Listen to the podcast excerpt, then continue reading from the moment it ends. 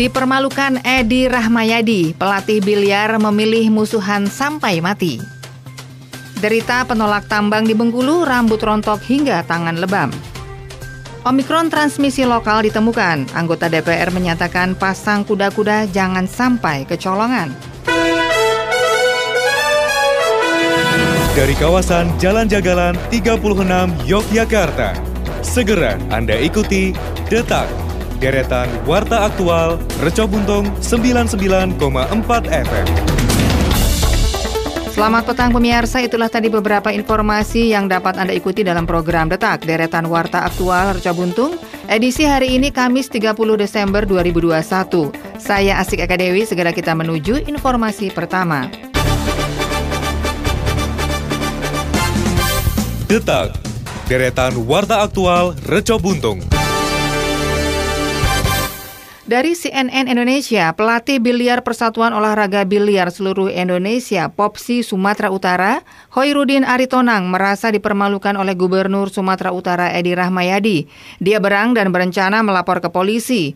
Hoirudin yang akrab di Sapa Coki dijewer dan diusir karena tidak tepuk tangan setelah Edi berpidato dalam acara pemberian tali asih bagi atlet dan pelatih PON 20 di Papua di Aula Tengku Rizal Nurdin.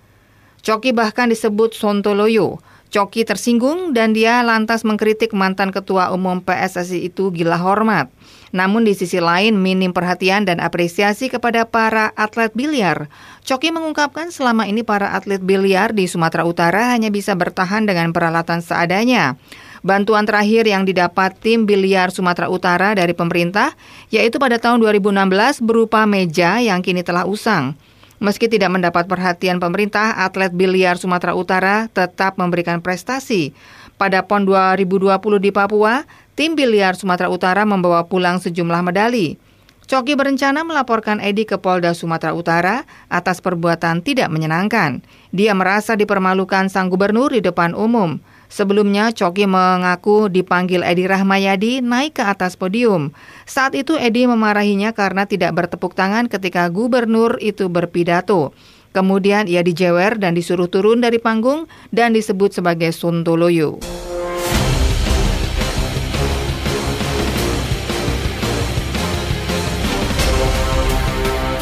Dari CNN Indonesia, Devi Anggraini, warga Pasar Seluma, Kabupaten Seluma, Bengkulu, mengungkap rambut beberapa anak mengalami kerontokan dan tangannya membiru usai ditarik oleh aparat saat aksi menolak tambang ilegal PT Farming Lefto Bakti. Devi menyebut anak-anak tersebut kini masih dalam keadaan trauma atas sikap represif aparat.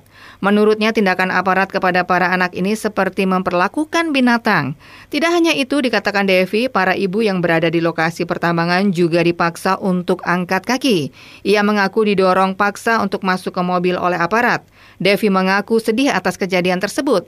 Terlebih ia tidak merasa bersalah. Ia mengaku bersama masyarakat lain hanya ingin desanya tidak rusak oleh perusahaan tambang ilegal. Devi mengatakan alasan warga menolak tambang karena salah satunya terkait mata pencaharian. Ia mengatakan mata pencaharian warga di Pasar Seluma adalah nelayan remis. Menurutnya menangkap remis tidak bisa sembarangan. Remis sensitif dengan suara. Dengan aktivitas pertambangan banyak nelayan yang kesulitan mendapatkan remis. Devi juga mengaku tidak ingin remis hilang di Pasar Seluma. Ia berharap remis tetap ada sampai generasi setelahnya. Namun ia merasa kecewa sebab tidak ada respon dari Bupati Seluma atau pihak yang terkait. Kabit Humas Polda Bengkulu Kombe Sudarno membantah anak buahnya melakukan kekerasan terhadap anak-anak dalam aksi menolak tambang. Sebelumnya Sudarno juga menyebut bahwa mediasi antara Pemda Seluma dan masyarakat sudah dilakukan. Mediasi dilakukan mulai dari kepala desa, camat, dan Pemda Seluma tetapi masyarakat tetap tidak mau meninggalkan lokasi sehingga Pemda minta ke Polres agar dilakukan pembubaran.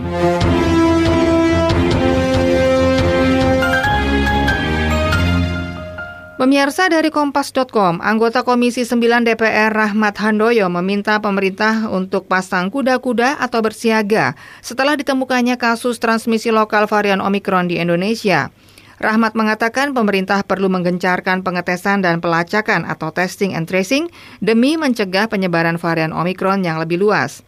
Untuk itu, Rahmat mengusulkan agar penggunaan alat tes PCR SGTF atau Exchange Target Failure yang diyakini dapat mendeteksi Omikron dengan cepat diperluas.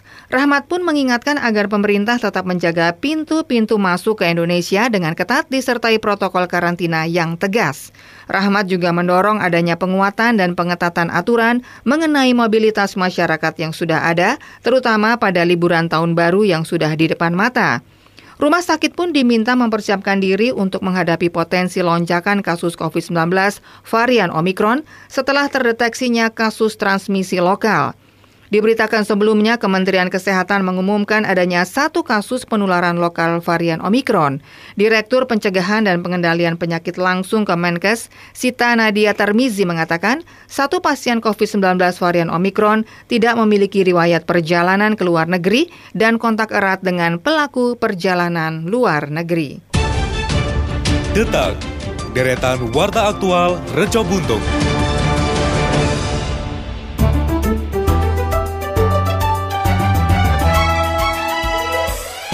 Baik pemirsa, masih Anda ikuti Detak Deretan Warta Aktual Raja Buntung bersama saya Asik Eka Dewi.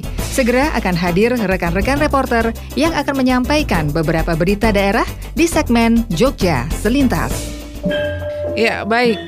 Pemirsa Jogja Selintas diawali dari Sleman dan Kulon Progo.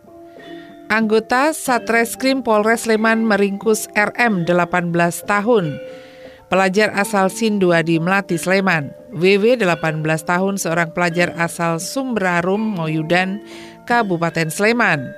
Kemudian AN 19 tahun pelajar asal Sidoagung Gudean Kabupaten Sleman. Selanjutnya HAPD 19 tahun berasal dari Pakuncen Wirobrajan Kota Yogyakarta. Berikutnya MF 18 tahun berstatus swasta asal Kota Yogyakarta dan remaja usia di bawah 18 tahun yakni MBRK 17 tahun asal kota Yogyakarta. Mereka dinyatakan bersalah setelah menganiaya DHP 16 tahun seorang pelajar asal Catur Tunggal Depok Sleman. Saat korban dan keempat temannya melintas di Jalan Kaliurang Sinduarjo, Ngaglik, Sleman.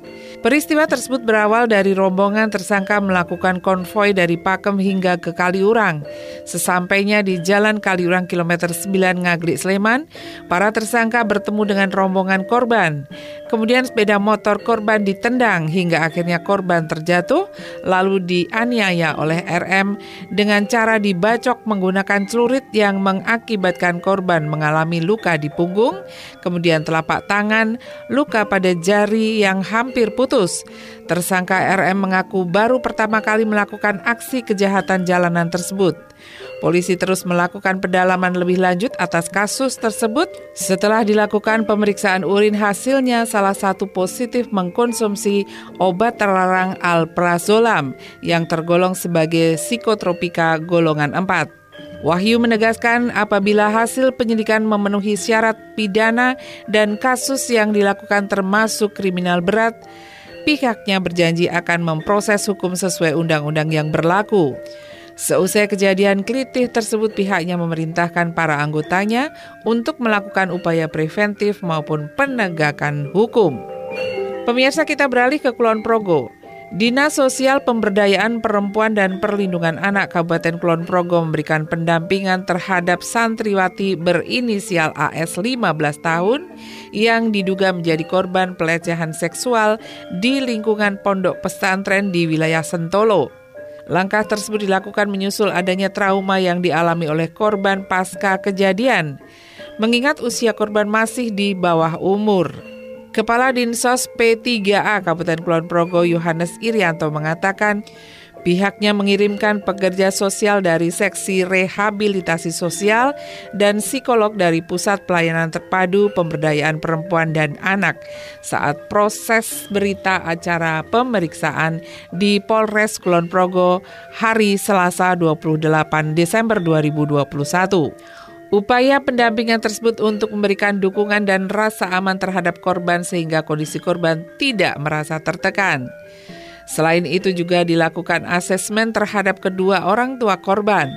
Selain mengawal, juga melaporkan perkembangan kasus ke Dinas P3A P2A DIY dan Kementerian PPPA. Agar kejadian serupa tidak terulang, pihaknya menguatkan Satuan Tugas atau Satgas P3A dan peningkatan pelayanan melaporkan tindak kekerasan terhadap anak. Sementara pihak Kemenak Kulon Progo belum bersedia memberikan pernyataan terkait kasus tersebut. Kemenak mengaku akan menunggu kejelasan penyelidikan yang dilakukan polisi.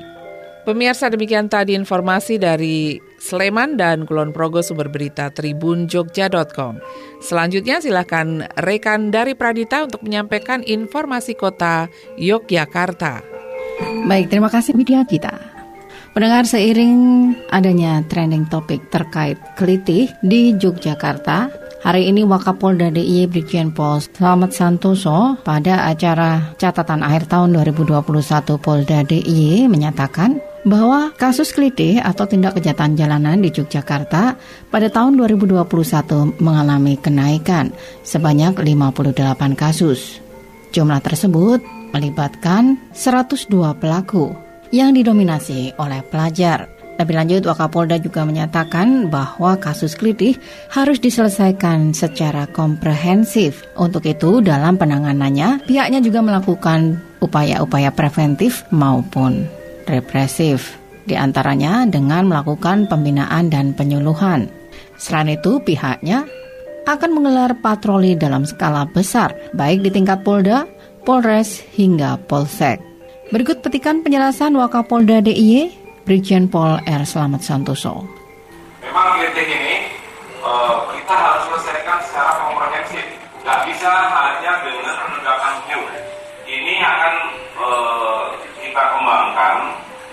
segala segi, dari mulai preemptif, penangkalan, kemudian pencegahan, dan penegakan hukum. Preemptif, apa yang akan kita lakukan dari Polda ini?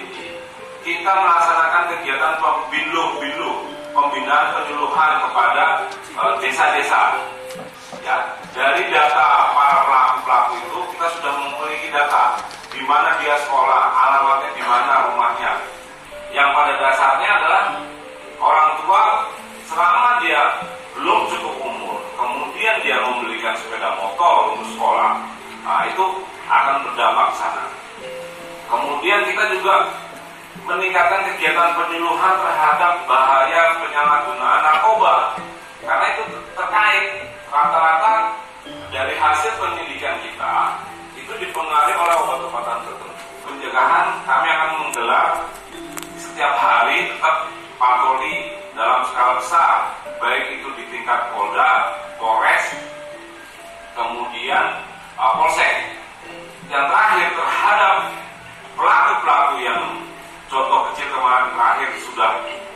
kejadian hari Sabtu, hari Senin sudah kita amankan beberapa pelaku.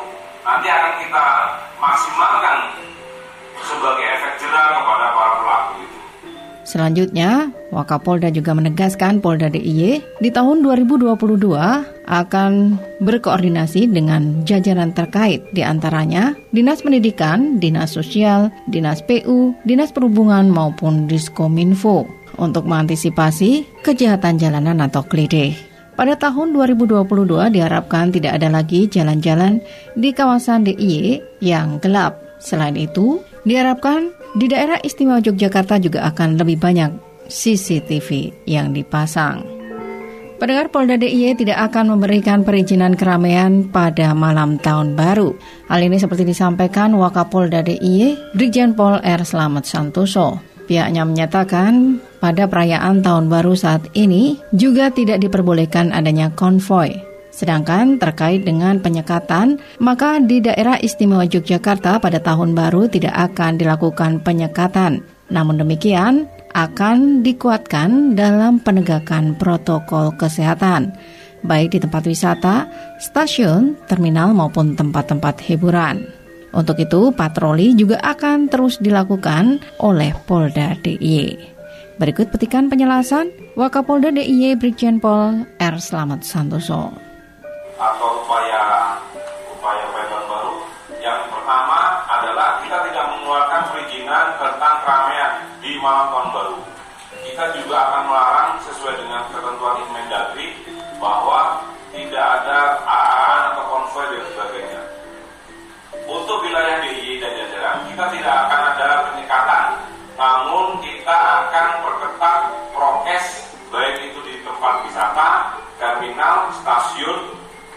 kemudian tempat-tempat hiburan dan sebagainya. Jumat kita akan e, melaksanakan serpas dan patroli skala besar untuk mencegah terjadinya e, hal-hal yang tidak diinginkan, termasuk juga pengamanan di tempat-tempat ibadah dari bahaya-bahaya ancaman-ancaman e, gangguan kreativitas lainnya. Itu spesifik terhadap kegiatan-kegiatan di malam tahun baru lebih lanjut, Wakapolda juga menegaskan masyarakat dihimbau untuk tetap disiplin dan menghindari kerumunan karena saat ini COVID masih ada, khususnya varian baru Omikron yang menjadi ancaman.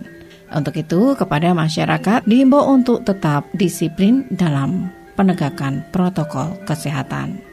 Demikian informasi dari Kota Yogyakarta, saya dari Pradita. Segera kita menuju ke rekan Widya Gita. Terima kasih dari pemirsa kembali bersama saya Widya. Akan saya sampaikan informasi dari Bantul dan Gunung Kidul. Badan Pusat Statistik DIY mencatat secara kumulatif nilai ekspor untuk DIY pada Januari hingga Oktober 2021 mencapai 437,2 juta US dollar atau naik sekitar 37,01 persen dibanding periode yang sama pada tahun 2020. Meski terjadi kenaikan nilai ekspor, namun para pengusaha belum bisa bernafas lega karena tingginya biaya pengiriman, terutama melalui jalur laut. Kondisi mahalnya biaya pengiriman sudah dialami selama satu tahun ini. Direktur Dekor Asia Jayakarta Bambang Wijaya membenarkan hal tersebut. Karena kondisi tersebut, BPSDIY bersama UKM di Bantul mulai melakukan terobosan untuk mensiasati biaya pengiriman yang tinggi yakni dengan meningkatkan aktivitas digital marketing dan jika kontainer via laut sulit, maka ekspor dilakukan melalui udara. Bambang menyatakan nilai ekspor melalui penerbangan mengalami kenaikan. Satu faktor yang menolong adalah banyaknya pesanan dari pasar retail seperti eBay, Alibaba, dan juga Amazon.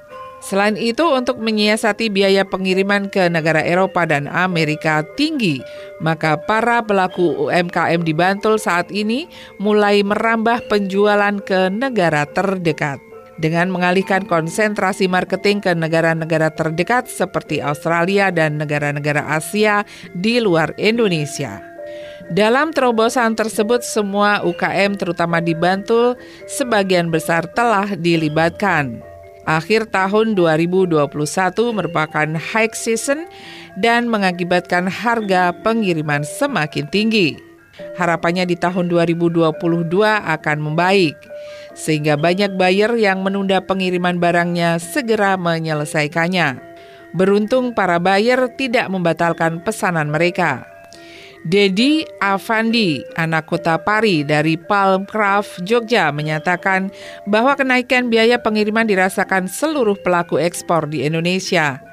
Ia menilai kenaikan harga pengiriman akan memberatkan pembeli karena sistem penjualan dengan free on board artinya pengiriman hanya sampai ke pelabuhan. Dari pelabuhan ke negara tujuan menjadi beban konsumen. Tips lainnya dengan memberikan tambahan diskon agar mereka tidak terlalu merugi dan tetap bisa jalan bersama-sama. Kasan Muhri, Kepala Badan Pengkajian dan Pengembangan Perdagangan Kementerian Perdagangan menyatakan bahwa isu kenaikan biaya pengiriman tersebut muncul di bulan Oktober tahun lalu dan merupakan fenomena global yang dihadapi oleh seluruh negara di dunia, bukan hanya di Indonesia saja. Kita beralih ke Gunung Kidul. Sebanyak empat warga binaan Lembaga Pemasyarakatan Perempuan kelas 2B Yogyakarta di Wonosari, Gunung Kidul terancam dicabut hak-haknya. Pasalnya mereka diduga terlibat dalam kasus dugaan penyelundupan narkoba ke lingkungan lapas. Kepala LPP kelas 2B Yogyakarta Ade Agustina menyatakan keempat warga binaan tersebut akan mendapat register F. Konsekuensinya sejumlah hak akan hilang seperti remisi, integrasi, komunikasi dengan telepon. Keempat warga binaan tersebut sebelumnya diduga mengkonsumsi narkotika di lingkungan lapas. Hasil tes urin yang mereka jalani pada hari Selasa 28 Desember 2021 lalu positif epetamin dan juga metaepetamin. Tidak hanya itu, Adi juga mendapati salah satu warga binaan tersebut menerima paket kiriman yang disamarkan dan dalam bentuk box-box obat-obatan. Setelah dibuka, isinya empat paket bentuk serbuk kristal yang diduga sabu. Keempat warga binaan tersebut merupakan pindahan dari Semarang, Jawa Tengah. Tiga terlibat kasus penyalahgunaan narkotika dan satu orang kasus pidana umum. Ade mengatakan evaluasi internal petugas akan dilakukan rotasi. Keempat narapidana akan ditempatkan di sel khusus. Langkah tersebut untuk memutus rantai potensi keterlibatan petugas dalam aksi serupa. Kasat Res Narkoba Polres Gunung Kidul AKP Dwi Astuti Handayani mengungkapkan bahwa paket tersebut dikirim dari Semarang dengan cara biasa. Lengkap dengan nama pengirim serta nomor ponsel tertera di kotaknya. Saat dihubungi nomornya tidak aktif, dimungkinkan identitas pengiriman fiktif. Satres Narkoba Polres Gunung Kidul masih menunggu hasil laboratorium untuk memastikan isi paket tersebut. Nah pemirsa demikian tadi informasi dari Bantul dan Gunung Kidul sumber berita Tribun Jogja.com. Selanjutnya kita kembali ke rekan Asik Eka Dewi untuk menyampaikan informasi yang terakhir.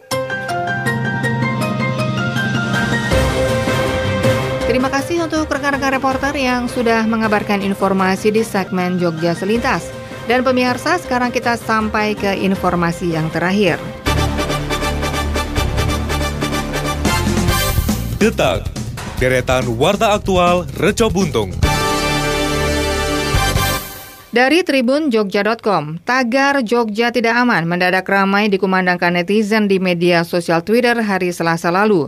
Tagar tersebut merupakan respon warganet atas rentetan aksi kelitih Yogyakarta beberapa hari terakhir. Wali Kota Yogyakarta Haryadi Suyuti pun angkat suara. Ia mengaku bisa memahami kegelisahan masyarakat lantaran kelitih yang belakangan kembali marak benar-benar sudah mengakibatkan gangguan keamanan seluruh Yogyakarta. Alhasil dirinya pun mendorong aparat keamanan supaya berani menjatuhkan sanksi tegas untuk setiap pelaku kelitih yang terciduk sehingga bisa timbul efek jera bagi mereka agar tidak mengulangi perbuatan tersebut di kemudian hari. Lebih baik disanksi tegas daripada pengadilan jalanan, demikian Haryadi. Di samping itu ia menilai untuk memberantas kelitih perlu upaya-upaya yang lebih komprehensif, termasuk dengan melibatkan orang tua atau wali yang dituntut sanggup mengawasi gerak-gerik anak saat beraktivitas di luar. Dalam situasi seperti ini, jangan memancing persoalan. Tidak perlu jalan-jalan malam hari yang tidak jelas.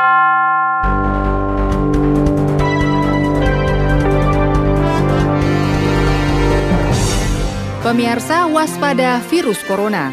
Penularan dari manusia ke manusia lewat cairan, batuk, bersin, dan berjabat tangan.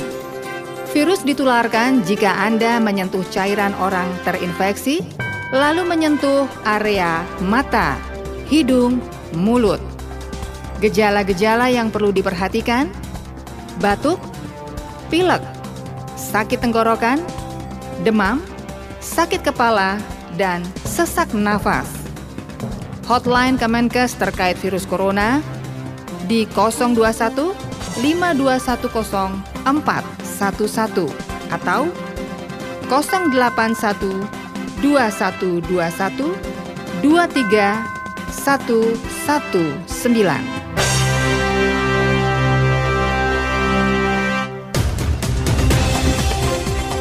Pemirsa, informasi tadi menutup program Detak edisi hari ini Kamis 30 Desember 2021. Ikuti kembali program Detak Deretan Warta Aktual Reco Buntung esok petang pukul 18 waktu Indonesia Barat. Radio lawan COVID-19. Jangan lupa cuci tangan pakai sabun, jaga jarak, jangan berkerumun, gunakan masker, dan lebih baik di rumah saja. Saya Asik Eka Dewi, selamat petang dan sampai jumpa. Pemirsa, telah Anda ikuti Detak, deretan Warta Aktual, Produksi, Tercopuntung 99,4 FM.